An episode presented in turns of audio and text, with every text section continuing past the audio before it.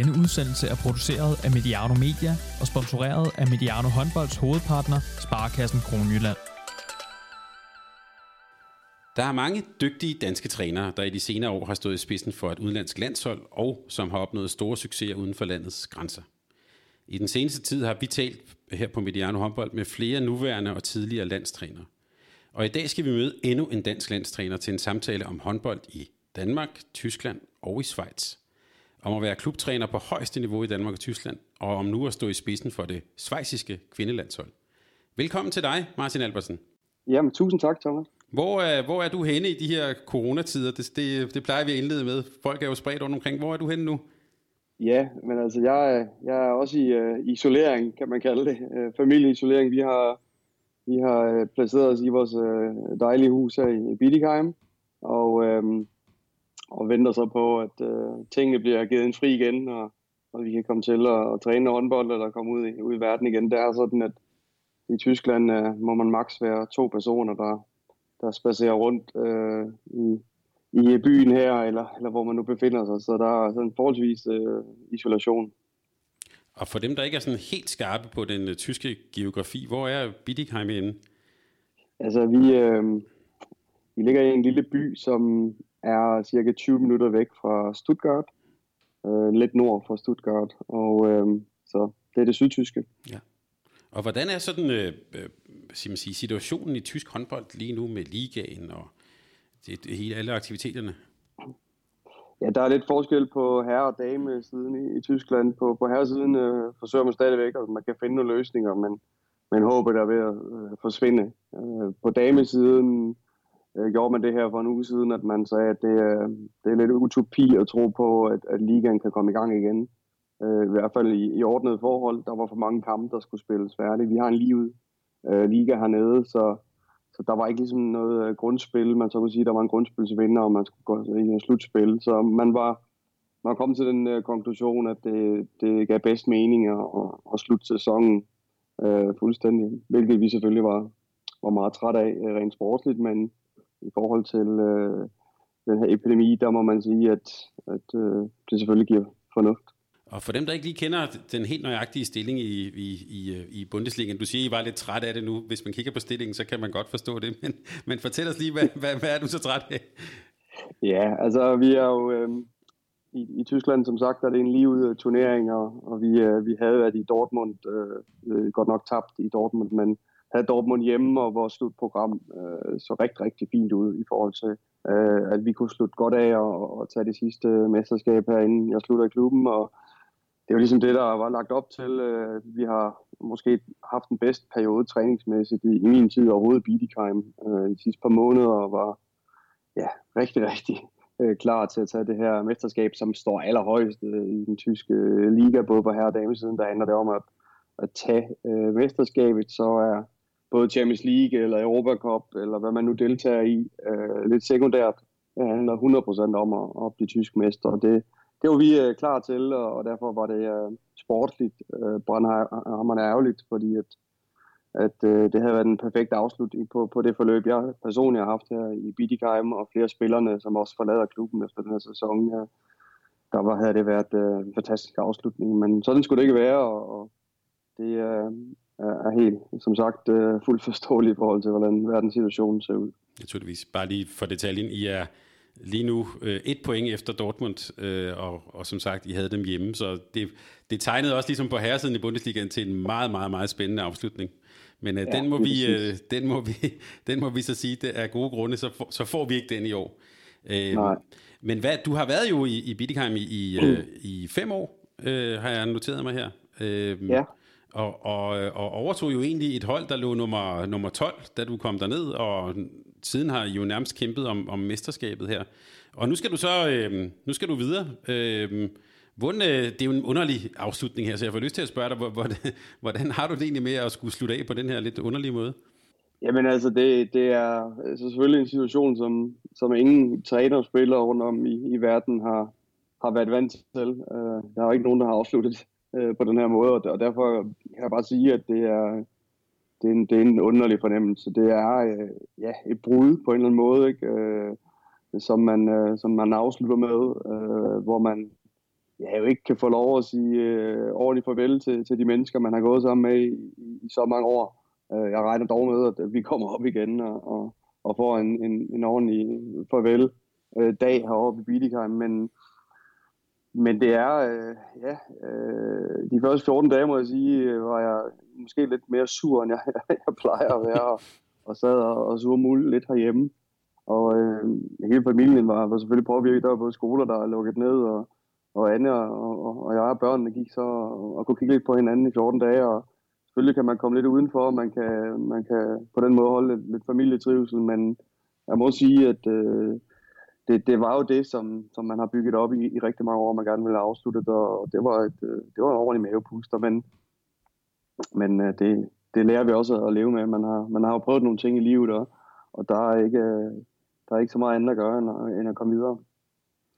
Men ja, du har været så i, i, i, i fem år i Bittigheim, og du har også siden 2018 været landstræner øh, for de svejsiske kvinder. Og jeg får lyst til at spørge dig, du har jo i virkeligheden jo så gået og dobbeltjobbet, og det har der jo været en del debat om her i Danmark. Hvad, hvordan har det været for dig at dobbeltjobbe? og, og det skal du så ikke mere, men hvordan har den periode været? Ja, det, det er jo faktisk grunden til, at jeg ikke skal det mere. Det var, at, at, at, at det er sindssygt hårdt.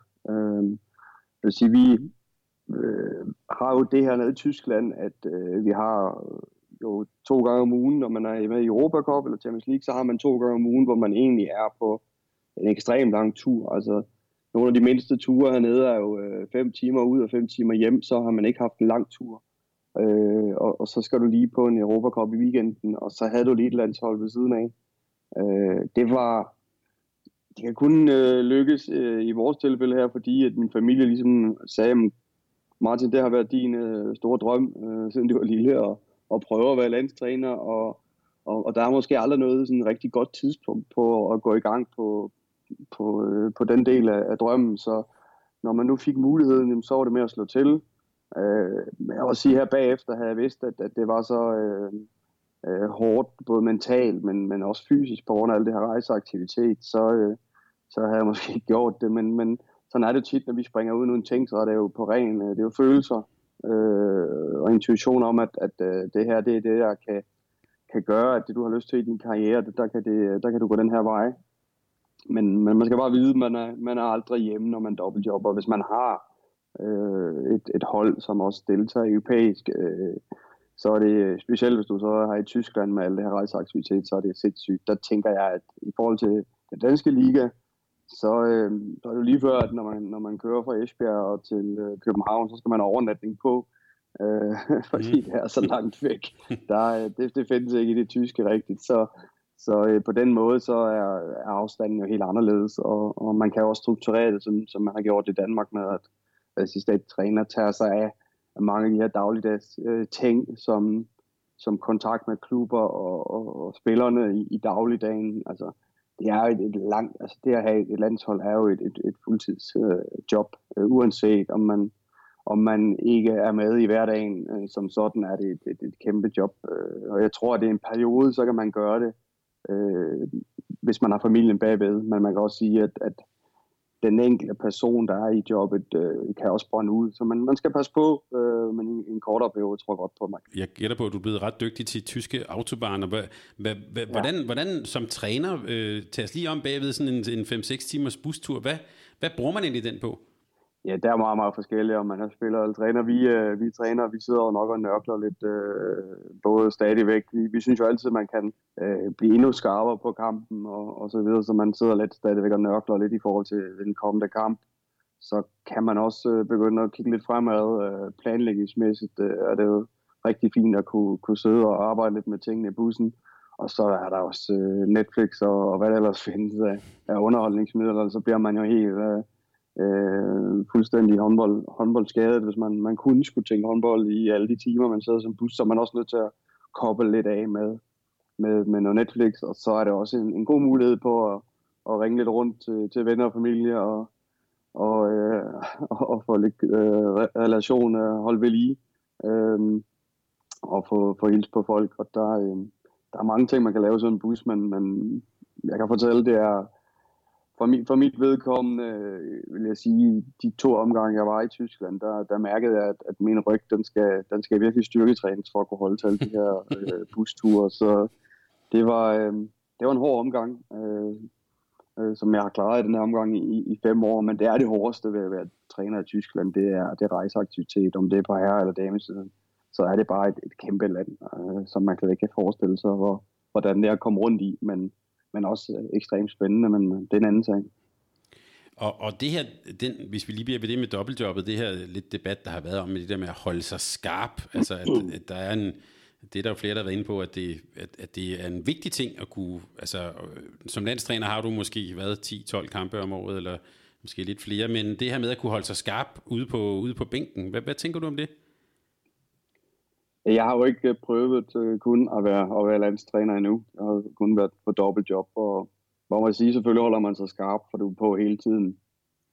Omvendt er der også uh, noget energi, som man, kan, man, man skal tænke på, og, og jeg vil tro, at, at de mennesker, som de trænere, som render rundt og, og kun har et landshold, har mere øh, tid til selve forberedelsen omkring øh, øh, slutrunden. Nu har jeg ikke været til en slutrunde endnu, men, men, men det havde da været øh, prikken over i, hvis jeg også skulle have været deltaget i en, en, en hel december øh, ved siden af at være klubtræner. Det, det havde jo været næsten uoverskueligt, tænker jeg. Mm. Så der tænker jeg, at man har masser af forberedelser til, til slutrunden. Man har, man har også tid til at kunne se mere øh, de andre nationer, de enkelte spillere fra de andre nationer, man nu skal møde til slutrunden i december. Jeg kunne slet ikke overskue at skulle følge alle mine spillere øh, som er placeret rundt omkring i, i Europa. Øh, og skulle også øh, øh forberede min, min klub her i, i weekenden, og så, øh, og så stem, samtidig også skulle øh, forberede mig på alle de her forskellige øh, individuelle spillere, jeg nu skulle møde til, til december, selvom jeg godt ved, at man måske møder nogle af dem i, i de enkelte kampe, man deltager i Europa Cup eller Champions League, men, men det er bare noget andet, at kan sidde og studere dem på, på landshold og så videre. Det er som sagt et kæmpe arbejde, som, øh, jeg er sikker på, at, øh, at, øh, at de træner, der er både dobbeltjobber, men også de trænere, som så øh, nu kun skal koncentrere sig om, om, om landshold, der er fordele og, og, og minus ved begge dele. Mm. Øh, jeg tror på, det er en fordel at kan koncentrere sig 100% om landsholdet. Nu for Medianos lytter her, der er jo mange, der kender en del til håndbold og, øh, øh, og går op i håndbold, men svejsisk håndbold, der bliver du nødt til lige at, tror jeg, at hjælpe os lidt. Hvad er egentlig din opgave med, med de svejsiske kvinder? Ja, altså det var jo en nation sådan rent uh, landsholdsmæssigt, som lå som nummer 26, da jeg uh, overtog holdet, og det var et projekt, og for det første var det drømmen om at blive landstræner, der, der, der triggede, og så, uh, så var det at komme i gang med at se, hvad er der af, af potentiale på det her uh, landshold, og hvad er der potentiale generelt i landet, og jeg synes, det blev et uh, rimelig positivt overrasket over, uh, hvad der ligger af muligheder. Øh, hvor, hvor langt vi kan, vi kan drive det, det er der ingen, der ved. Det må vi, det må vi se, men så er nogle, øh, nogle unge spillere, som også nu her øh, på det seneste har, så har præsteret øh, i forhold til øh, U19 og U17, som er nu kommet i de bedste kategorier, som det hedder, så nu skal man både til EM og VM de næste tre år. Øh, så der er noget at bygge på. Øh, nogle af spillerne er på vej, eller er lige nu i, i større europæiske klubber. Øh, det har også været en proces at, at være med til at placere spillerne i, i de rigtige klubber, hvor de kan udvikle sig, og, og, og også øh, være med til at spille på nogle hold, som øh, er med, hvor, der, hvor det sneer, som man siger. Mm. Øh, og der kan man sige, at, at øh, det er på vej. Øh, den liga, man, man har i, i Schweiz, øh, Schweiz er jo sådan et, øh, et land, som måske ikke ser så meget ud over landets grænser. De, de har lidt nok i sig selv på mange måder.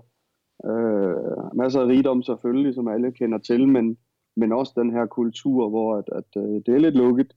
Så mange af spillerne var, var det jo næsten problematisk at få dem ud over grænsen, og få dem få den her drøm skabt om at være professionel i udlandet. Øh, man ser flere spillere, der kommer til Schweiz og lever som professionel fra, fra, ja, det har været til at starte på mest fra de, de lande, der ligger i Balkanområdet. Øh, gode øh, gode spillere, som, som har udviklet sig også i den svejtiske liga. Øh, italienere, der er kommet til.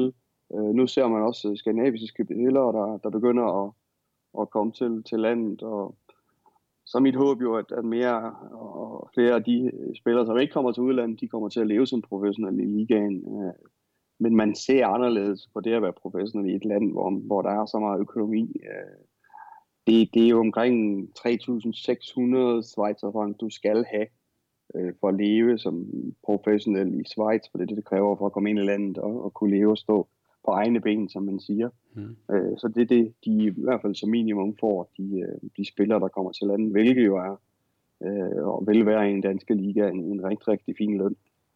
Selvfølgelig er det dyrere at bo i Schweiz, øh, siger de, men det er, ikke, det er ikke dyrere end at bo i København. Det, det er samme niveau. Øh, de her store, øh, store hovedsteder rundt omkring i Europa er smadret dyrere at bo og leve i.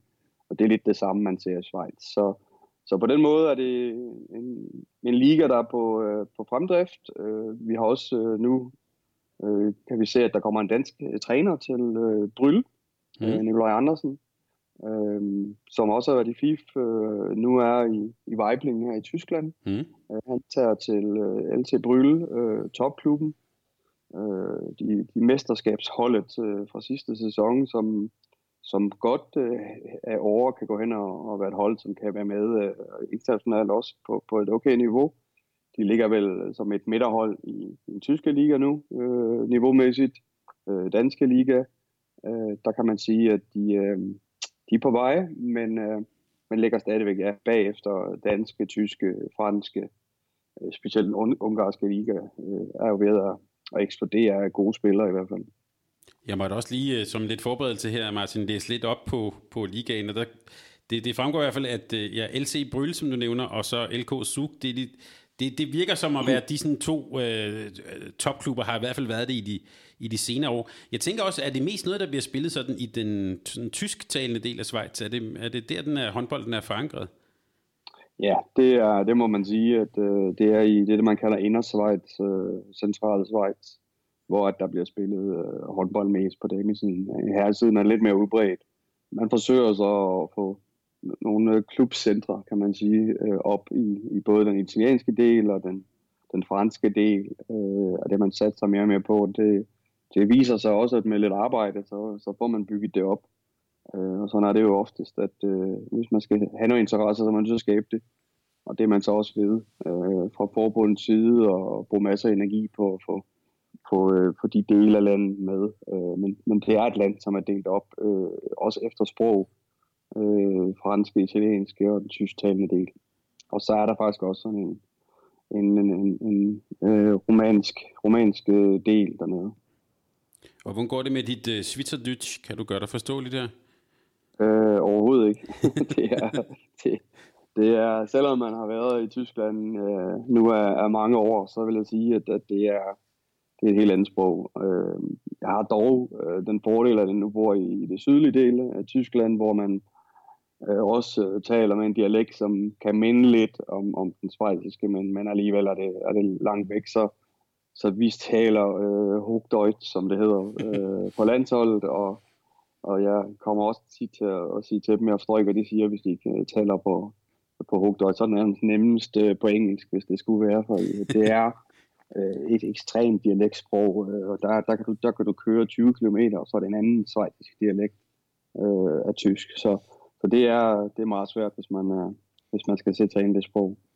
Og hvad, hvad er egentlig din, hvad kan sige, din, din opgave som svejsisk landstræner? Øh, altså du, du nævner, der er gode talenter på vej. Sådan, øh, er, det et, er du ude i, i sådan et langsigtet projekt, eller hvordan, hvordan er, kan man sige, sådan hele den, det projekt, du er trådt ind i her? Hvordan ser det ud?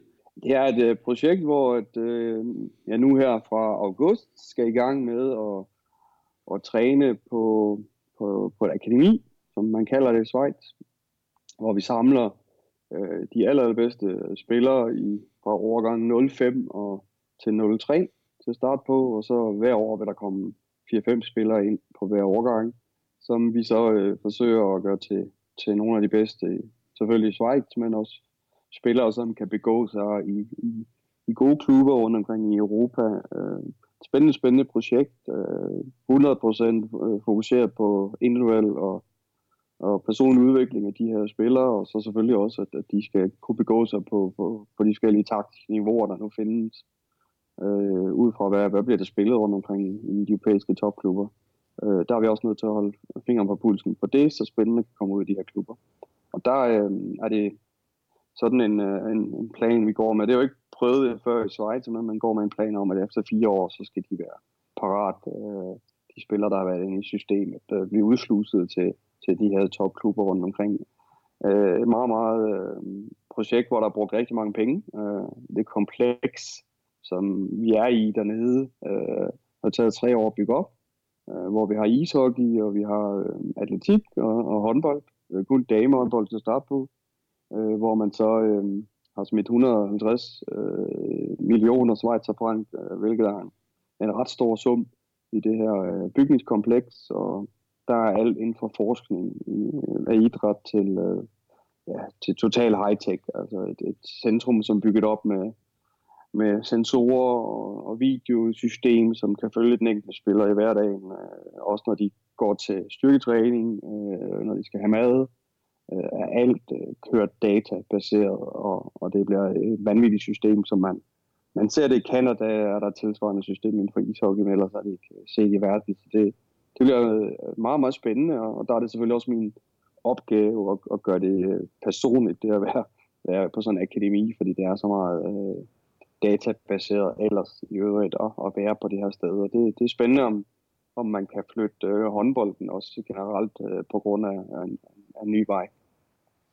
Vi har her på Mediano håndbold for et par måneder siden haft lidt en special omkring øh, måden, man laver, laver talentudvikling i Holland. Men det her, det lyder jo som, at det er jo virkelig next level at hente folk ind helt ned til årgangen 05. Og skal, skal, men går de så bare, så jeg er med, sådan, går de, øh, så går de så i gymnasieskole der og, og, og træner ved siden af, eller hvordan er sådan hele setupet?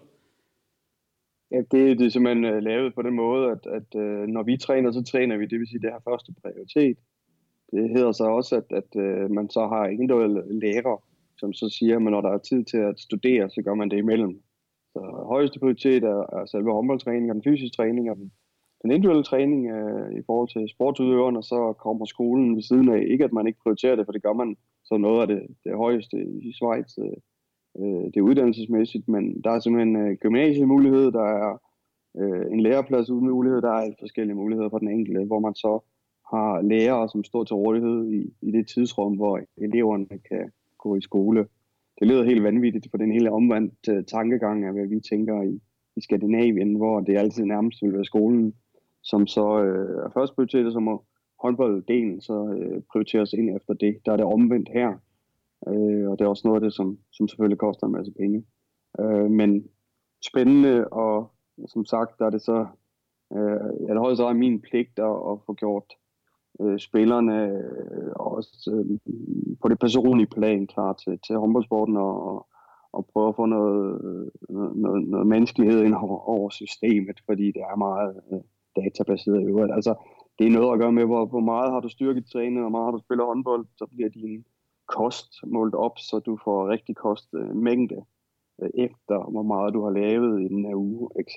Så det varierer også, hvor meget du må spise, og alt, alt er meget videnskabeligt øh, baseret, og der vil være foregå forskning øh, øh, dagligt øh, i, i det her centrum. Så hvad, hvad det bliver til enden, det kan jeg ikke svare på nu, men, men jeg bliver en del af det her store øh, setup, og, og meget, meget spændende, hvordan det, det udvikler sig. Martin, nu kan du ikke se mit ansigt her, men jeg øh, sidder både med et smil og, og, og virkelig nysgerrig. Øh, jeg er helt sikker på, at vi kommer til at ringe dig op senere, fordi det her, det skal vi høre mere om. Det er øh, en meget, meget spændende satsning også, og jeg tænker også på, hvordan øh, resultaterne af det, det er jo, som jeg hørte, en ny, innovativ, en helt anden måde at tænke på. Det er måske heller ikke så meget skandinavisk, men så de har sådan en skandinavisk mand, nemlig dig, i spidsen ja. for det, men, ja. men en, øh, det synes jeg, i forhold til alt den snak, der er om talentudvikling og sådan noget, en, en meget, meget spændende satsning. Jeg får lyst til lige at spørge, øh, øh, vi, vi taler helt ned til årgang 05, det er jo øh, piger på en 15-16 år og sådan noget. Hvordan udvælger man egentlig, hvem der skal være med i, i, i det her, når de er så unge? Ja, det er også, øh, der har været den her øh, erfaring, som jeg øh, bringer med. Jeg har været med i talentudvikling ja, siden øh, 89 øh, i Danmark og også i Tyskland. Og, og så den erfaring på at, at skulle scoute rent øh, ja, visuelt, hvad er det for en, en type spiller, øh, det har været den, den ene del, som, som til sidst har jeg fået lov at bringe den del øh, rigtig meget på banen, for ellers har det været igen øh, højde, drøjt, øh, forældre, øh, genetik, øh, øh, præstationer i forhold til forskellige målinger og, og hvad ved jeg, som, som selvfølgelig også noget video af, af spillerne i kampsituationer, i træningssituationer, øh, haft dem inde i nogle træninger, øh, hvor man så kunne også øh, tage nogle videoer og evaluere, og, og så har der været en masse test, både med spillernes øh, træner, nuværende træner, deres regional, øh, unionstræner, øh, det hedder vel også kredstræner i Danmark øh, nu stadigvæk, øh, og øh, det her udvalg øh, af mennesker, der skulle udvælge de enkelte spillere, øh, hvor jeg så har stedet øh, som, som den til sidst, der kunne, kunne sige, at øh, øh, det er alt sammen godt nok, øh, men jeg har en følelse af, at den type spiller her er noget, som, som vi virkelig har brug for, så det ikke bliver for ensartet, som, som jeg synes tit også, øh, når man har lavet de her udvalgelsesprocesser i andre lande, så øh, har det jo tit været sådan, at man har lavet alle mulige målinger, men så er det jo stadigvæk ensartede typer, man, man får ud til sidst. Der har det været øh, for mit vedkommende ekstremt vigtigt, at, at man typemæssigt, både højde, drøjde, men også personlighedsmæssigt, har, har valgt forskelligt. Og så, så vi er sikre på, at, at vi, kan, vi kan tilbyde nogle spillertyper øh, efter de her fire år, som er meget forskellige. Så du leder efter, hvad kan man sige, sådan lidt diversitet, øh, at du måske har to forskellige typer på hver plads, eller hvordan, hvordan, hvordan gør du det i praksis? Jamen det er en masse video uh, scouting på, på spillerne, det er uh, også personlige møder med de enkelte spillere, hvad er det for nogle, nogle mennesketyper, hvad er det for noget, de kan bidrage med, og uh, så er der specielt de her typer, som, som jeg gerne vil have fravalgt, som, som også er blevet bedre og bedre til at fravælge i, i senere niveau, dem som, når det ikke lige kører, uh, som, som ser skylden ved, med mange andre uh, end dem selv. Mm. De, de typer uh, uh, har jeg for alt i verden uh, fordi jeg også selv personligt trigger rigtig, rigtig dårligt med, med den mennesketype, der, der sætter sig i hjørnet og mener, at, at andre skal hjælpe mig. Øh, dem, dem, dem begår jeg mig ikke så godt med, må jeg alle indrømme. Så, så dem har vi virkelig forsøgt at, at prøve at teste på, hvordan, øh, hvordan reagerer de her piger i forskellige situationer, sådan at, at, at vi, kunne, vi kunne tage de rigtige. Så hvis vi nu ser nu en 5-6 år frem i tiden, hvad er det så for et øh, svejsisk landshold, som vi skal glæde os til at se, når det virkelig bliver skabt i dit billede? Hvad er det for et hold, der, som så går på banen?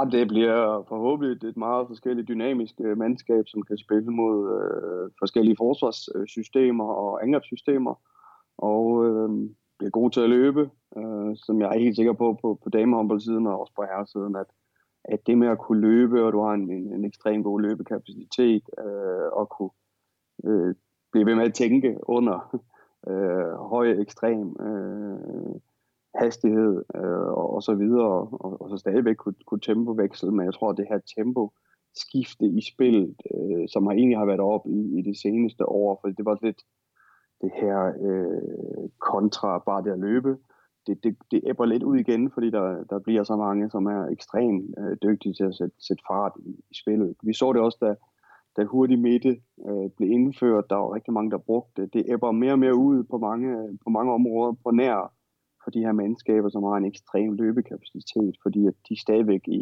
i, på allerhøjeste niveau kan, kan tænke håndbold, øh, intuitionshåndbolden, øh, vurderingsspillet øh, skal være højt, øh, selvom det foregår i allerhøjeste tempo. Det, det kommer vi til at se for de allerbedste i fremtiden. Øh, det er jeg sikker på. Vi ser det jo.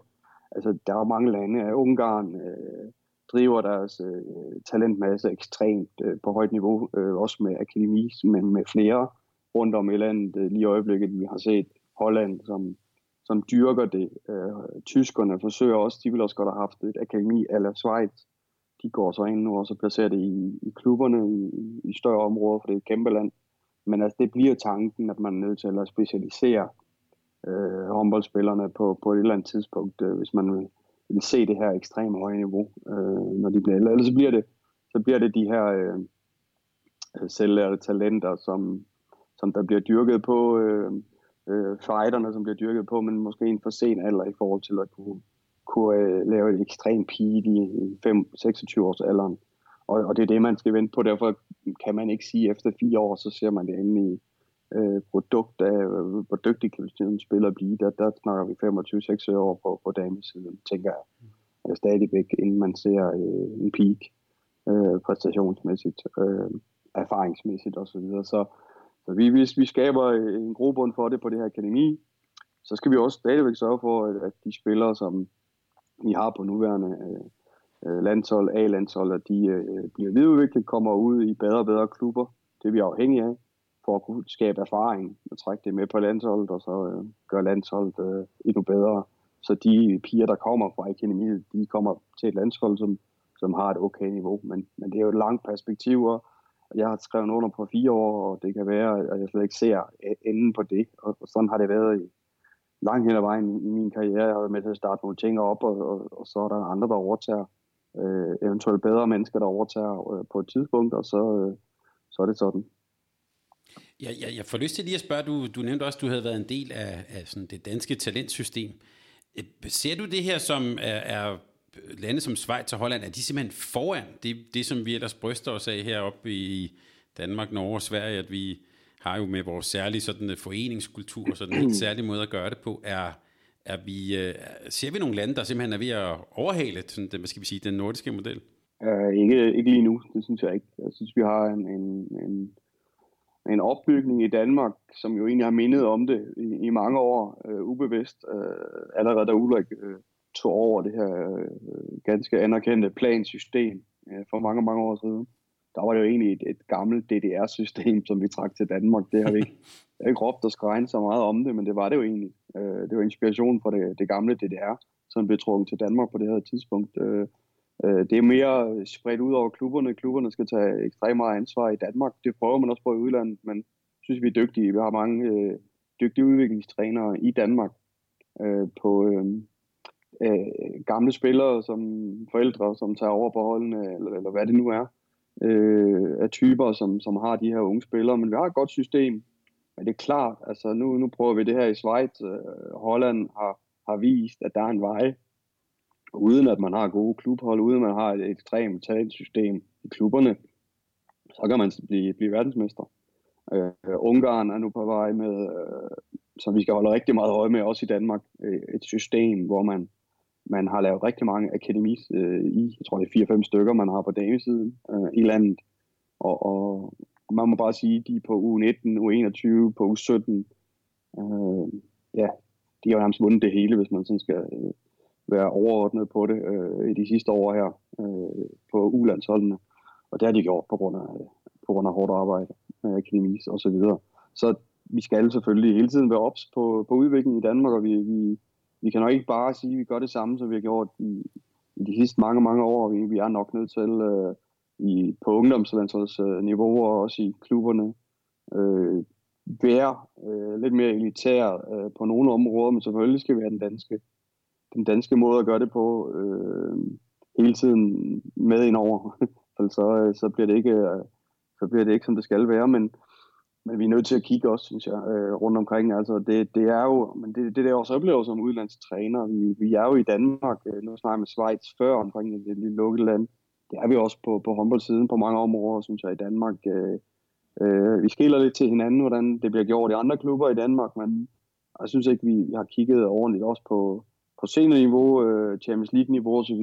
Det er nok det, der har manglet i de sidste år i Danmark, det er, at man ikke har, man har ikke øh, skælet til så meget, hvordan udviklingen har været øh, i de andre øh, ligaer og, og andre øh, klubber rundt om i, i verden. Men når nu vi er ved det her med øh, Foreningsdanmark og sådan noget, så er det jo en meget god brug til lige at lave et ordentligt hop tilbage i tiden. Nu har vi talt lidt om, hvad du skal, så nu kunne jeg godt tænke mig at spørge lidt øh, fra, hvor du sådan egentlig kommer fra. Øh, du har jo fået din håndboldopdragelse i Vorup ved Randers. Hvad, hvad var det for en klub? Og jeg, jeg ved også, du er jo fra en, en det øh, vi roligt kan kalde også for en rigtig håndboldfamilie. Kan du ikke lige fortælle os lidt for, hvad er det for en klub og familie, du er kommet fra? Altså, øh, jamen jeg, jeg er jo fra den her øh, håndboldfamilie Frulund, øh, hvor min øh, øh, kusine Katrine, øh, min fætter Michael, øh, og, og mange i familien i øvrigt har, har spillet håndbold eller haft øh, en stor berøringsflade med, med håndbolden, og, og, og det har jo været klubben øh, lokalt, som man Vorp, øh, i Danmark. Ja, undskyld. øh, ja, men det skal du ikke undskylde. Det, det er sådan, det udtales lokalt og, og nationalt. og der kan man sige, at øh, vi, har, vi har fået vores opvækst i, i den her klub. Øh, både på, på, øh, på det personlige plan og, på det områdemæssige plan, der var det jo en klub, som har præget øh, specielt der midt øh, 90'erne til, til slut 90'erne, øh, var der jo rigtig, rigtig mange spillere, som havde deres øh, daglige gang øh, øh, i den her klub. Øh, der, der var en, en rigtig elitær øh, øh, talentklub på det her tidspunkt. Altså det er Laura Danielsen, det er Heidi Johansen, det er Annie Andersen, Thea Augesen, Lisa Rasmussen og så videre, som egentlig, og Katrine Folund, som sagt, som, som havde deres, der var sådan øh, to-tre overgange der, som var vanvittige, øh, hvor der er flere af de her spillere, som har både ja, OL, øh, VM, EM, øh, titler nu på, på CV'et, og, og, og i hvert fald spillet rigtig meget i Randers HK eller andre øh, ligeklubber i Danmark. Øh, de havde deres opvækst i, i den her lille klub, øh, Ulvehøj Idrætscenter, som det hedder, øh, som ligger i Haslund lige uden for Randers, hvor man øh, havde en lille hal der, som, som der skete meget, og, og, og stadigvæk er det en af øh, Østjyllands øh, største ungdomsklubber, øh, hvor der bliver øh, lavet rigtig mange øh, dygtige talenter, øh, udklikket, så man kan godt kalde det et fyrtårn i det østjyske. Øh, vi havde masser af drablige opgør med mange af de andre, Brabrand blandt andet, som var rigtig, rigtig dygtige til at lave ungdomshold på det tidspunkt, og og vi var også så dygtige på det tidspunkt der i, i midt slut 90'erne, at man kunne tiltrække nogle af de bedste øh, spillere senere til U18. Øh, Marine Møller blev jo tiltrukket af det her ungdomsprojekt. Øh, øh, Marine Møller, som er en af de, af de allerbedste spillere, som jeg nogensinde har trænet, som, som desværre øh, øh, havde en krop, som ikke kunne holde til det. Øh, og måske også blev, blev kørt igennem systemet for tidligt. Øh, det kan man aldrig vide. Øh, men var jo alle også på, på, jeg tror hun var 17 år, da hun var inde omkring a 12 og, og var et sindssygt talent. Men hun var også inde omkring øh, øh den her lille klub, hvor op som, som øh, en spiller, Marianne Møller, som kom fra, fra Sønderjyske, øh, jeg tror jeg hed Vidar på det tidspunkt, øh, nede i Sønderland. Jamen det var, det var, det var noget af det bedste i, i de jyske på det her tidspunkt, øh, som, som jeg var en del af. Øh, og den træner, som egentlig øh, var med til øh, kan man sige, at, og starte min trænerkarriere. Øh, øh, Inger Rønne, hun er faktisk stadigvæk, øh, jeg sidder i klubben og er formand øh, i den her klub i Vorp. Så, så det er en, det er en traditionsbundet klub, som, som stadigvæk øh, arbejder rigtig, rigtig godt for, for håndbolden. Hvor kom de der fyrtårn fra? Var det, øh, var det sådan uh, ildsjæle, der, øh, som, som dyrkede det op, eller var det øh, en tilfældighed, der lige pludselig var nogle gode overgange, eller sådan. Hvordan, hvordan, øh, hvordan blev det bygget op? Hvor kom det fra? Ja, det var ildsjæle. Altså, der var ikke... Øh, til at starte på i hvert fald ikke. Øh, hvor blev en, en klub, som så også havde øh, seniorhold på allerhøjeste niveau. Øh, og, og er jo den klub, som, som er moderklubben til Randers HK.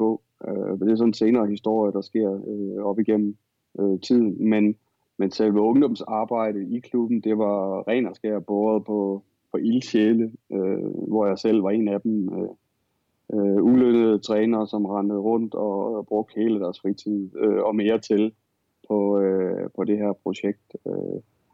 Og det er også øh, noget, som stadigvæk foregår i klubben. Øh, det er ildsjæle, som, som bærer, øh, bærer sådan en klub, og, og som der er i, i mange rigtig, rigtig mange danske klubber. Hvordan kom du ind i det her trænerværvet. Det, du var en ret ung alder, du, du, du tog fat på det. Hvordan, hvordan kom det i, i stand? Altså, jeg, øh, jeg startede allerede sådan rent, øh, jeg kan ikke helt huske, hvordan det hele startede for at helt ærlig, men man blev trukket ind på sådan et øh, U12-hold øh, i en ung, ung alder, jeg tror jeg var 15-16 år, øh, og, og trænede øh, øh, blandt andet Katrine øh, Fuglund og, og den overgang der sammen med blandt andet der en, en Rønne. Trak mig ind, øh, og så hen ad vejen tog jeg nogle øh, kurser i det at være, være håndboldtræner. Jeg var selv håndboldspiller, øh, og bliver så øh, af over der øh, selv øh, knæskede jeg noget, var inde omkring, øh, det hed DB, øh, DB øh, VFB, øh, som var en sammenslutning af, af nogle klubber i Randers på herresiden. Øh, øh, lå vi faktisk der til oprykningen til, til alle række, øh, landets bedste række der i, i, i, i tiden, men blev skadet af en, en, en 3-24 år, der blev, blev knæskadet og, og valgte så 100% og, og gå trænervejen, havde haft alle de her ungdomshold igennem tiden, samtidig med selv at have en aktiv karriere, hvad hedder så en masse ungdomshold. Øh, vi fik blod på tanden rent elitært, fordi vi øh, gjorde et godt arbejde selvfølgelig, men man, man havde også et, et held, at der var en rigtig øh, stor talentmasse, og vi vandt en masse kampe, har, har været med til at vinde DM fra, fra U14 op til, ja, der var noget der i U21 faktisk på et tidspunkt, hvor vi også var involveret i noget DM der. Øh, det er så gået væk igen, men man havde alle de der succesoplevelser med at være håndboldtræner, og, og fik øh, sikkert også en masse, masse god feedback fra spillerne om, at, at det fungerede fint. Og så øh, øh, prøvede jeg faktisk af, øh, da jeg var U18-træner i, i Vorp, prøvede jeg lige pludselig af det der med seniorkarrieren. Jeg tror også, jeg var, en, jeg var lige blevet 24, tror jeg, da jeg var ude at have øh, AGF damer i første division, øh, landets næstbedste række og prøvede af som ung knæk der og have en masse ældre damer, jo meget ældre end mig, øh, de fleste af dem, øh, og skulle holdes rundt med dem. Øh, det, var, det var ikke så elitært, det var bygget op på, på andre øh, værdier, AGF-damer på det tidspunkt, øh, men var, var sindssygt spændende. Øh, blev så i løbet af den sæson faktisk øh, kontaktet Ulla Vilbæk, øh, som øh, ville høre, alt foregik jo på det tidspunkt i, i amatørbasis, øh, men han ville så høre, om jeg ville øh, komme til Viborg øh, og være øh, professionel træner, altså have, have ungdomshold og, og være med ind omkring øh, også øh, seniorafdelingen, og jeg startede så op med at have øh, anholdt i, i Viborg U18 der, og det gik, øh, det gik smadret godt. Og vi har nogle øh, spændende, spændende år, og også nogle projekter der kørende med, med ungdomshold, hvor vi forsøger at lave, lave seniorspillere ud af det, og øh, Christensen, Anne Nørgaard, der var rigtig mange af de her på det her hold der, som blev rigtig dygtige. Og de, øh, det, det viste sig så, at, at, at det, var, det var en vej, jeg godt kunne tænke mig at tage. Øh, trods alle odds, vil jeg sige, for der var på det en tidspunkt i min, øh, fra mine forældre var der ikke øh, den opbakning, kan man sige, til at blive. Der var ingen fuldtidstræner udover Ulrik nærmest i Danmark på det tidspunkt sådan rigtigt. Og øh, det var jo en, en, en risikofyldt vej. Mm. Så, øh, så der var meget skeptisk omkring, at det er en god idé øh, at droppe øh, øh, kan man sige, din, din civile karriere. Jeg var elektriker på et tidspunkt, øh, og også involveret øh, som skolelærer, øh, og var det dumt at, at droppe øh, helt ud af det, så jeg valgte at fortsætte lidt som skolelærer i Johannes på Selagur skole, og så øh, være professionel håndboldtræner, øh, faktisk allerede på det tidspunkt. Øh, bliver så efter nogle år med Ulrik øh, som assistent, øh, var jeg så sammen med Rune Singlersen på, på nogenlunde ligeværdige øh, vilkår i, i Viborg med seniorholdet. Øh, for ja, mere og mere smag for det, og, og, og succesen var også øh, til at, at se på det tidspunkt, så, så man bliver sådan, et eller andet sted bliver man kørt ind som, som fuld prof, og, og så er det lidt svært at komme ud af det, men, men det var heller ikke sådan i min lyst på det tidspunkt, ikke at være, være håndboldtræner, så, så det gik sådan sin gang, og, og Leipzig i Tyskland henvender sig så, og så var jeg derned, og, ja, så har det været sådan siden, at det har været fuldtidstræner. Hvad, hvad er det egentlig, øh, hvis, nu siger, det er jo, det er jo et, et valg i livet, du har truffet, det synes jeg, du sagde på en god måde. Hvad er det, der driver dig? Hvad, altså sådan helt banalt, hvad er, det, hvad er det sjove og det interessante, og det, der får dig til at stå op om morgenen og sige, øh, jeg skal ud som håndboldtræner? Hvad, hvad er det, der driver dig? Ja, der har det jo, det har været op og ned, kan man sige, på en tankegang. Hvad er det egentlig, der driver en mm. i så mange år i håndbolden? Og, og succesen var måske også en drivkraft på, på et tidspunkt, hvor man, man, man glemte egentlig, hvad var øh, selve, hvorfor var det egentlig, du har startet som håndboldtræner. Der var det måske den her med, at, at, at vi skal have en masse succes, øh, og, og det er også vigtigt, selvfølgelig, specielt for, for klubberne, øh, hvor man er ansat, at, øh, at det går godt. Men, men jeg må bare indrømme, at, at, øh, at det ofte kommer tilbage til, til basis, at, at det handler bare om håndbolden, at, hvor, hvor fedt det er at, at være på, på halvgulvet og, og træne de her håndboldpiger. Øh, de gode af dem, men jeg har også altid øh, formået, øh, fordi det har været en drivkraft at involvere mig i, øh, i ungdomshåndbold, øh, også her i Bidikaren, øh, hvor jeg går øh, et par gange om ugen og træner min, min egen datter øh, på 14, men også har involveret mig i, i danske, øh, i det øh, deutsche hedder det, håndboldforband, øh, hvor at, øh, DHB, hvor jeg har noget træning om, om mandagen også. Øh, udviklingstræning, øh, støtspunkttræning kalder man det hernede. Øh, ren og skær interesse. Øh, det er ulønnet, det er det er ren og skær bare for øh, interessen om, at, hvor, hvor fedt det er at gå og se, hvordan de her øh, unge håndboldpiger, de udvikler sig. Så det er i bund og grund det, øh, og trods det, det der har været drivkraften til at komme på det her akademi, at øh, for mig er det, er det det, at gå og træne de her håndboldpiger, der, der, øh, der er øh, intelligensen i, i at være håndboldtræner.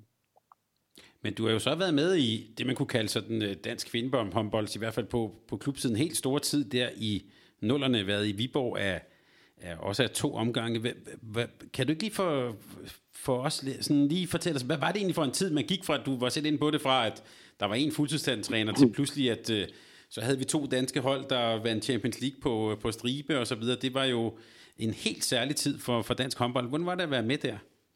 Ja, det var, jeg var med i Viborg-tiden der i starten, hvor vi, vi gik fra, at, at jeg Ulrik var professionel, og der var flere spillere, der var professionelle øh, allerede tilbage der i, i starten af 0'erne, 01, 02, hvor vi så får bygget op øh, et hold, øh, Owen Singlersen og jeg, hvor vi havde, jeg tror det var første gang, man havde 2022 professionelle ansatte håndboldspillere i en klub. Altså, det var helt vanvittigt. Øh, for der var en tidspunkt, jeg tror der var 12, der måtte være på, på holdkortet.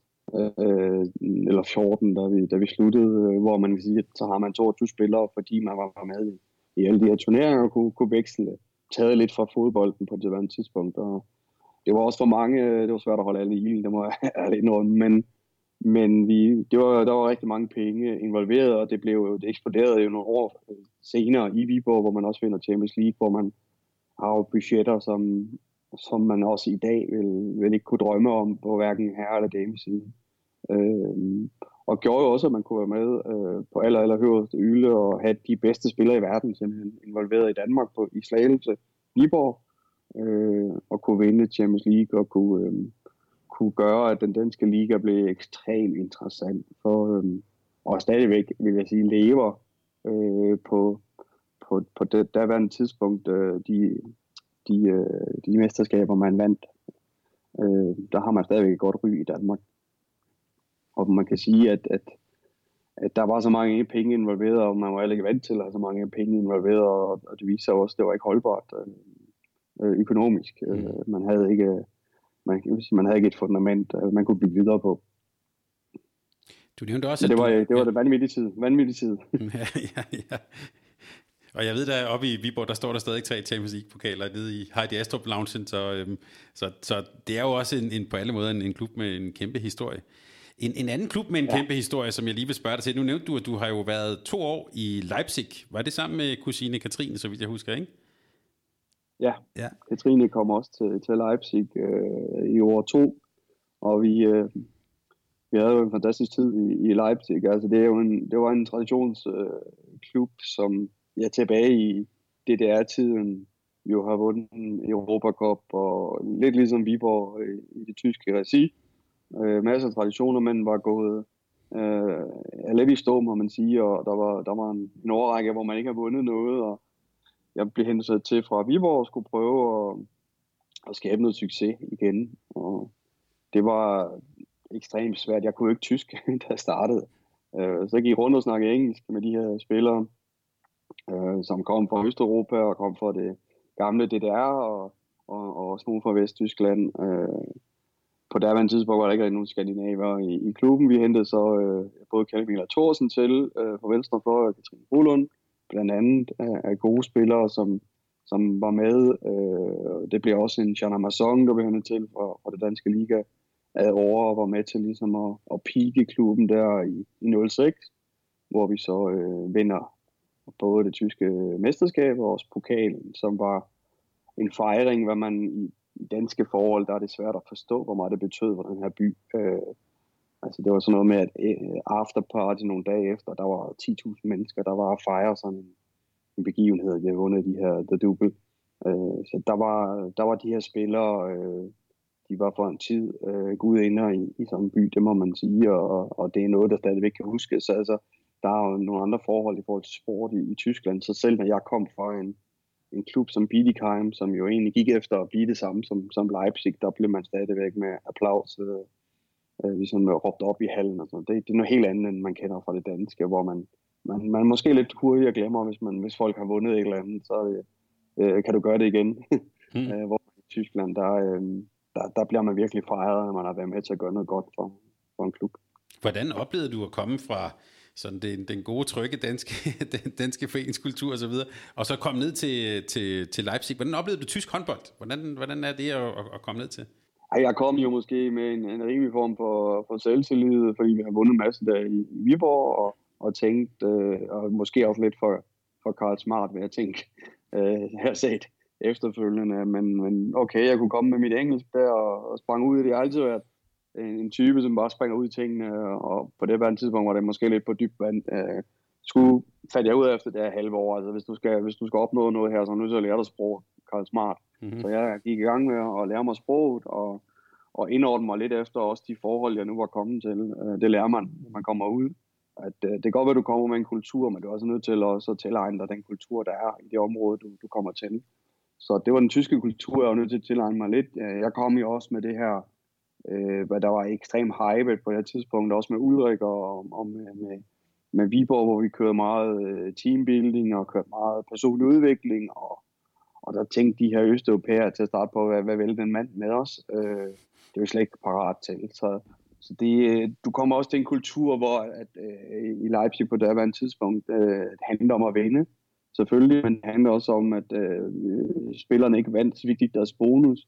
Og der var måske et bonussystem, hvor de fik halvdelen af deres løn sådan normalvis, og, og så var det ellers bygget op på point, og, og hvordan de enkelte præsterede i kampene. Og det var en, en helt anden kultur, som vi slet ikke kan, kan, kan forestille os i Danmark, hvor man skulle prøve at indover sig, for ellers så, øh, så fik man ikke succes. Så, så på den måde var, var det meget indordnet sig, så alligevel at komme med, med de her værdier og, og de her ting, som, som man selv har været en del af fra det danske system.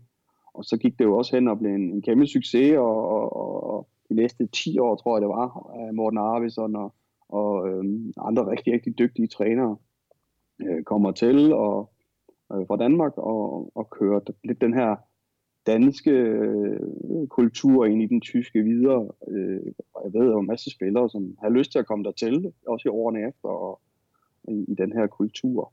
Øh, man, man vælger så faktisk øh, efter en overrække på 10 år og, og sadle om og, og køre tyske træner igen. Øh, der går også noget økonomi, der, der ligesom ikke øh, fungerer i Leipzig, men det var også, at man sadlede kulturmæssigt om. Øh, det var en, en fantastisk ting, den her danske kultur, kombi med den tyske øh, østeuropæiske kultur, man havde i Leipzig, øh, som gav succes. Øh, det fandt man så ud af, at man sad lidt om til den, den rene tyske kultur, det, det virkede ikke. Har du som træner og leder, kunne man også sige, når du har været i Tyskland og nu i Schweiz, skal du sådan skrue lidt op for den øh, autoritære del af din lederstil, eller sådan, har du sådan skulle tilpasse dig lidt og måske være en lidt anden type leder, end du ville have været, hvis du var i Danmark? Ja, det, det, det er jo svært, for man tilegner sig, synes jeg jo hele tiden, der hvor man er.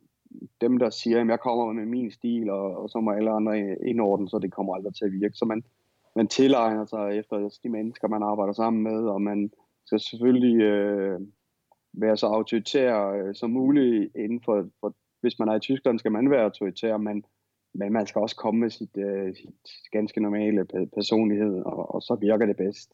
Man kan ikke man kan ikke sige, nu har jeg den her øh, menneskegruppe, og så laver jeg helt om på mig selv. Det, det, det tror jeg ikke på. Øh, jeg tror også, jeg selv har, har prøvet på, også i Danmark, øh, nogle gange, at, at prøve at tilegne mig en personlighed. Det, det er umuligt. Øh, man skal være øh, ganske almindelig øh, person, når man, når man arbejder, og så, øh, så virker man bedst. Og hvordan vil du så, hvad er, så bliver jeg så nysgerrig at sige, hvad er du så for en, for en træner. Hvordan vil du sådan karakterisere dig selv som, som træner? Når, når, jeg kan i hvert fald huske dig, når jeg, vi har set dig på tv, og sådan noget, du er jo i hvert fald en, der kommer med højt engagement og høj energi til, til dit hold og til, og til kampen. Hvad er du for en type træner? Ja, det, det er jo det er ikke energimæssigt, men også, at, at det jeg får i hvert fald af feedback, det er jo altid svært at skal beskrive sig selv, synes jeg. Det, er tæt på ja, det er en mus-samtale her, Martin. man, laver, man, laver, ja, man laver tit sådan en uh, glansbillede, og det, det, det vil jeg ikke. Øh, jeg, tror ikke, jeg er så meget anderledes som mange andre egentlig. Øh, man, man brænder for den her sport.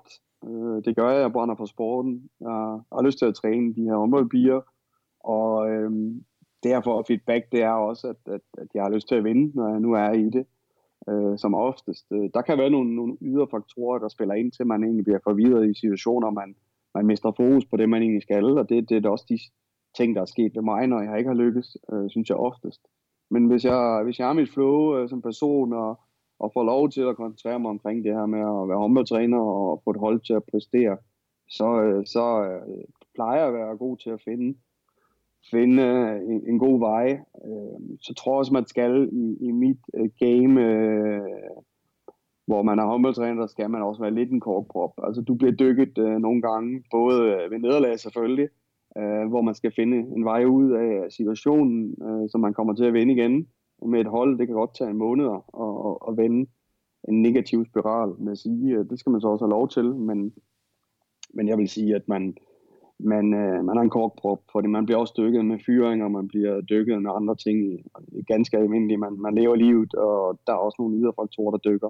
Så på den måde skal man også være en korkprop og komme op igen og være en fighter. Altså, der er ikke nogen af de her trænere rundt på, på topholdene i Europa lige nu, som ikke uh, fighter med tingene, for der er jo selvfølgelig lige så meget modgang i det at være håndboldtræner, som, som alt muligt andet i livet. Og korkprop, det kunne jo være et, et, et rigtig godt billede for, for noget, som du jo også har prøvet, nemlig at, at blive fyret som træner. Du kom, øh, nu hopper vi lidt i tiden, men du kom jo tilbage til Viborg og øh, blev fyret i 2012 efter i hvert fald hvad der stod i avisen dengang, nogle lidt skuffende resultater i Champions League. Hvad, hvad var din læring af det?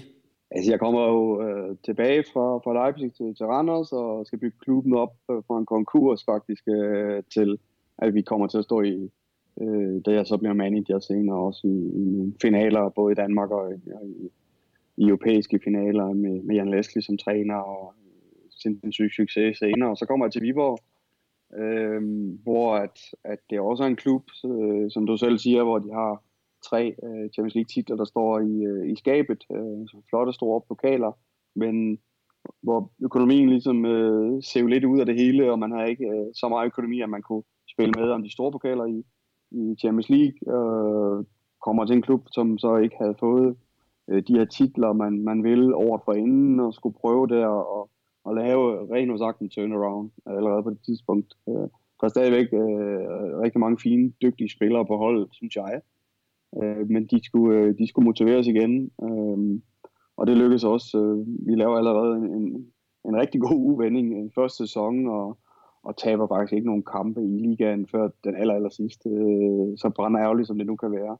Øh, vinder vi faktisk øh, DM første øh, finalekamp i Randers med et mål, taber så hjemme, og og det var, det var selvfølgelig et, øh, det tror jeg, øh, det er egentlig det, der gør, at året efter bliver, som det nu bliver. Øh, men øh, så så meget med, at vi vinder også pokalen. Vi, øh, vi gør det rigtig fint i, i den sæson. Anden sæson øh, ligger vi faktisk nummer et øh, på daværende tidspunkt, hvor at, at der er faktisk et OL over, som, som man nogle gange glemmer, hvor vigtigt det er. Hvad, hvilken år er det, man er træner i? For når spillerne kommer tilbage fra sådan en, en OL-sæson, øh, ja, der øh, i august kan det være, være, være mange forskellige ting, de kommer tilbage fra, og vi havde desværre en del, øh, både nordmænd og, og danskere, der kom tilbage og var, var godt og grundigt slidte efter den her opkøring til OL, men også selve turneringen. Øh, så vi startede ud der, hvor vi, vi tog et valg øh, i klubben faktisk, direktør og sportschef og jeg, og siger, men først prioritet er den hjemme liga, øh, og så er jeg sådan en type, der, vi går meget efter de aftaler, vi har, så, så jeg får forsøgt for alle i verden at, at, at få vundet de kampe i hjemme liga, og det gjorde så også, at jeg prioriterede ikke så meget Champions League, det må jeg indrømme. Øh, det blev jo så problemet, fordi det var, det var ikke helt afstemt øh, i hele systemet, så, så det, blev, det, der blev brugt, øh, kan man sige, til, til selve fyringen, men, men jeg vil også sige, at der var mange andre parametre. Der var en spiller øh, i den her trup, som egentlig var ejet, en af dem, der sad i bestyrelsen, og, og hun blev ikke brugt nok, øh, ifølge ham i hvert fald, og, og der er jeg sådan en type, der er meget tro mod, hvad der foregår på, på træningsgulvet, så dem, der præsterer, og som sagt, øh, så man så ikke præsterer øh, i kamp, og man ikke spiller, og man så i træningen ikke viser, om jeg vil spille næste kamp i hvert fald, træner, øh, eller sætter sig og, og bliver lidt pisur, eller hvad, fornærmet, hvad man bliver, så øh, der er jeg bare slet ikke typen til, til at skulle være træner for sådan nogle, nogle spillere. Så, så de, de ryger lidt ud i, i kulden med mig, øh, hvis man ikke selv egentlig øh, bidrager for at kunne øh, blive god. Så på den måde, der, øh, der tog jeg nogle valg øh, allerede derfor. Jeg fik også nogle hint om, at, at det er ikke så smart, du ikke bruger hende der, for hun er jo faktisk ejet en af dem, der sidder i bestyrelsen. Men det, der tog jeg et valg, at jeg skulle være tro mod egne øh, egne værdier, og, øh, og der kan man sige, at det bliver så også min døde i Bliver man klogere af at blive fyret? Det er der nogen, der nogen, øh, nogle gange påstår. Altså jeg vil sige, man, hvis man er i, i gamet så mange, og jeg har været 20 år i gamet nu efterhånden øh, på allerhøjeste hylde, der, der skal man ikke være naiv og sige, at sandsynligheden for, at du bliver fyret, den er, den er kæmpe. Altså også mere end en gang. Mm. Og det bliver de fleste af dem, der er toptræner også, for der er så meget på spil. Øh, selvfølgelig bliver man fyret, og man bliver klogere. Øh, du lærer i hvert fald dig selv rigtig godt at kende. Det er, det er hårdt at blive fyret. Det er en kæmpe mavepuster, og det tager tid øh, for nogen længere tid end andre. Der, der kommer vi tilbage til det her, ja, korprok, at man kan komme oven på vand, oven vand igen, for du bliver dykket, og du, øh, øh, du har det svært. Øh, der er flere, der, der går i, i depression også over det. Jeg vil heller ikke sige, at jeg ikke har været øh, øh, meget, meget nede over mine fyringer. Det bliver man, for man, man bruger hele sit liv på at give alt til sådan nogle projekter øh, og klubber og, og hold, man nu træner, og der er det ekstremt hårdt at, at være den, som så øh, øh får sparket, fordi tingene ikke fungerer. Det er det. Det, øh, det vil altid være, tror jeg. Men, men man skal også øh, vide, at det er en del af gamet, og hvis man ikke kan, kan tåle det at, at blive fyret, så tror jeg, at man ikke skal være øh, hverken fodbold eller håndbold eller topsport øh, engageret på højst niveau eller som leder, fordi det er en, en, en kæmpe risiko. Altså, der er større chance for, at du bliver fyret af din karriere, end du ikke bliver. Fra, fra, det med, fra det med fyring i Viborg, der kaster du dig jo faktisk ud i et nyt, stort projekt, øh, nemlig det her med at opbygge det, som hedder København håndbold. Hvad var det egentlig, I, I ville der? Hvad var missionen? Det var jo altså virkelig et, øh, øh, øh man kan sige, et, et projekt fra grunden, og øh, med store visioner og store armbevægelser egentlig, og med, også med store ambitioner for håndbolden i, i København. Hvad, var, hvad gik det projekt ud på? Altså, der blev fyret i, i øh, november øh, i Viborg, der allerede i foråret, der øh, 12, der går jeg ind og, og arbejder sammen med, med Kim om at, at få det her, Kim Mikkelsen, øh, ejer og, og direktør på det tidspunkt i København. Øh, senere kommer det til København. Øh, først og fremmest skulle vi vide, hvad, hvad det overhovedet hed jo.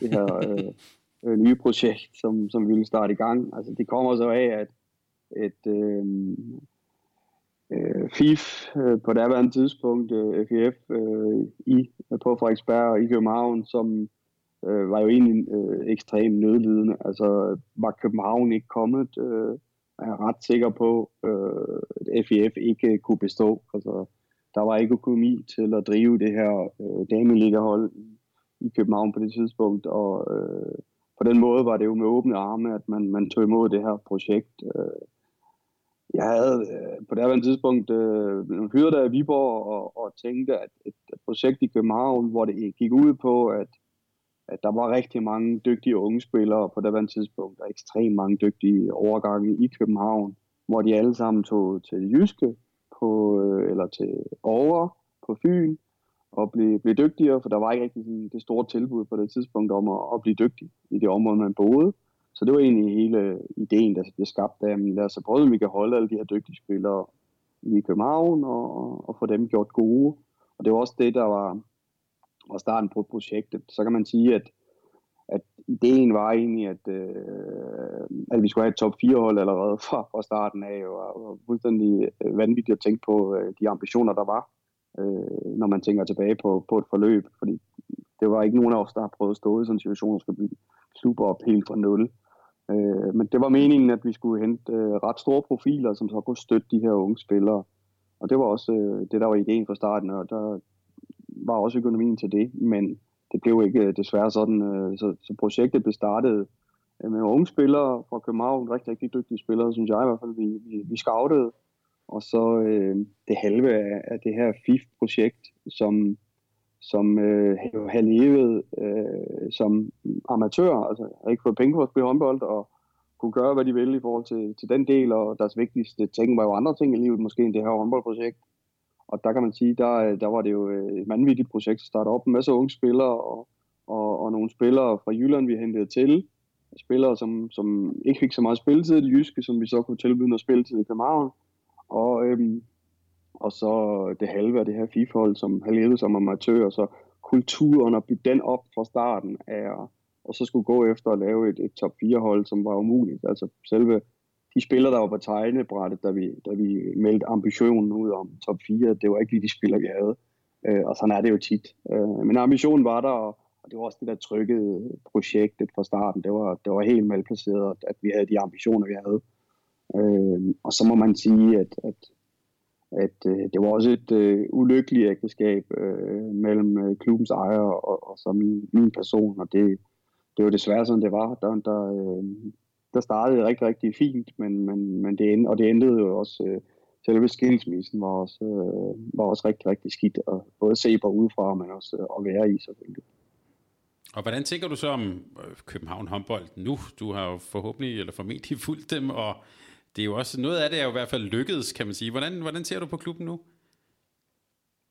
Altså det med de unge spillere og, og, og få dem øh, kørt i stilling, det er lykkedes, men de, de er jo, tror hun, det er, det er Maria på stregen, som, som er tilbage, eller så er det jo spillere, som, som er rundt omkring i andre øh, ligaklubber faktisk. Dem vi startede op med i, i et såkaldt talentprojekt. Øh, Sofie Flader, kan jeg huske, øh, mm. hun er i Aarhus nu. Øh, Celine Christiansen, øh, og også i Aarhus, øh, ryger så til, til Nykøbing igen. Øh, var med om det her projekt. Øh, øh Mike Ravballe var også med omkring øh, projektet, var i Ydum på det tidspunkt, øh, røg så til, til IKAST, øh, for så at ryge tilbage til København igen bagefter, men var også med fra starten Anna Grundvig, kan jeg huske, øh, spiller også i Ajax nu. Øh, Spekt også i Ajax.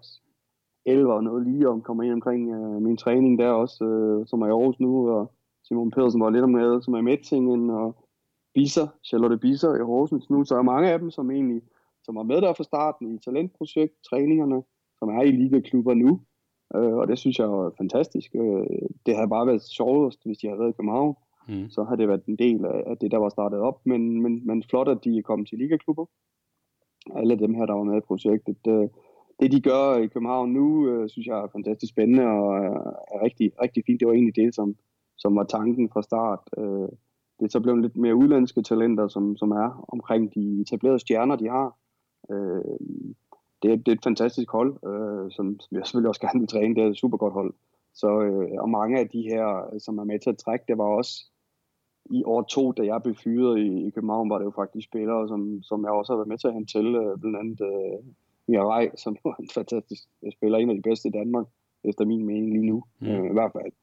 Øh, en af, dem, som betyder mest for en klub, øh, øh, var også en klub, øh, en spiller, undskyld, som jeg øh, scoutede, der var hun var i, i Sverige, og, og fik tilbage til, til Danmark, øh, hvor desværre så i aller, aller sidste kamp, hun var i Sverige, i, Sverige, i, i Europacup-kamp, var hun blev hun skadet. Øhm, korsbåndsskadet, så hun starter jo med at ikke at kunne spille. Og det samme er faktisk gældende også med Svellerstock, som, som jeg hentede til. Så mange af dem, som, som var med fra starten der i år to, de, de var, øh, eller skulle have været med fra starten, de er jo desværre skadet. Øh, så det var, sådan er det jo øh, nogle gange. Man bliver jo, bliver jo som træner også lidt afhængig af de spillere, man har. Øh, men jeg synes, det, det var en fantastisk start, vi fik med at talentudvikle, må man sige, og, og jeg vil sige, det, det man gør nu, øh, er jo fantastisk i forhold til den danske liga, at man har København med på Danmarks kortet i forhold til damehåndbolden, at man, man øh, har fået det til, og altså, som sagt var, var FIF ved at øh, dreje nøglen om, da vi, da, vi, øh, da vi ligesom overtager deres licens. Så, øh, så på den måde er det jo en rigtig, rigtig lykkelig historie. Og hvis vi lige laver koblingen til noget af det, vi talte om omkring det her med talentudvikling i Schweiz, øh, hvordan scouter man egentlig en person eller en spillertype som Mia Rej? Hun har jo ikke så meget højde og drøjde, hun har så heldigvis alle mulige andre ting. Hvordan scouter man sådan en?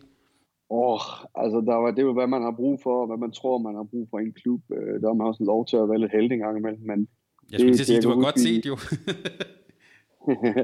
det, det, man, det jeg kiggede efter dengang, det var at få en rimelig jeg havde mange uorganiserede spillere egentlig på, på det tidspunkt på holdet. Så det, det jeg har forsøgt, at, og efter nogle samtaler med hende i, på caféer i, i, øh, i det københavnske, ja, der, øh, der kan jeg huske, det gik meget på, at hun øh, var meget, meget mere systematiseret som spiller, men, men stadig kreativ spiller øh, på banen, må man sige. Øh, byder meget ind, øh, men var en, en, en god øh, spiller, som kunne føre projektet øh, til næste level. Det, det var i hvert fald det, der var forhåbninger på det tidspunkt. Øh, god strateg, som øh, meget, meget håndboldengageret, øh, tænker jo håndbold hele tiden, øh, som type, og, og så få hende ind i, i klubben.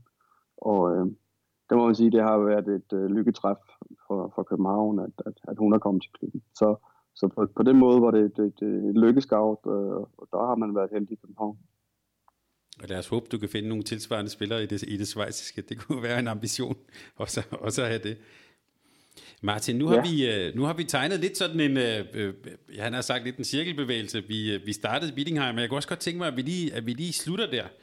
Øh, for der har som, som vi nævnte i indledningen, har du jo været der i nogle år. Du har er blevet tysk mester øh, to gange, og var måske på vej til at blive det en tredje gang. Du blev også blevet kåret til årets øh, træner to gange i det, i det tyske.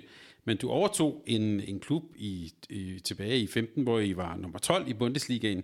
Hvad, kan du ikke fortælle os, hvad er det egentlig, du har arbejdet med, og hvordan har du sådan udviklet klubben og spillerne og holdet?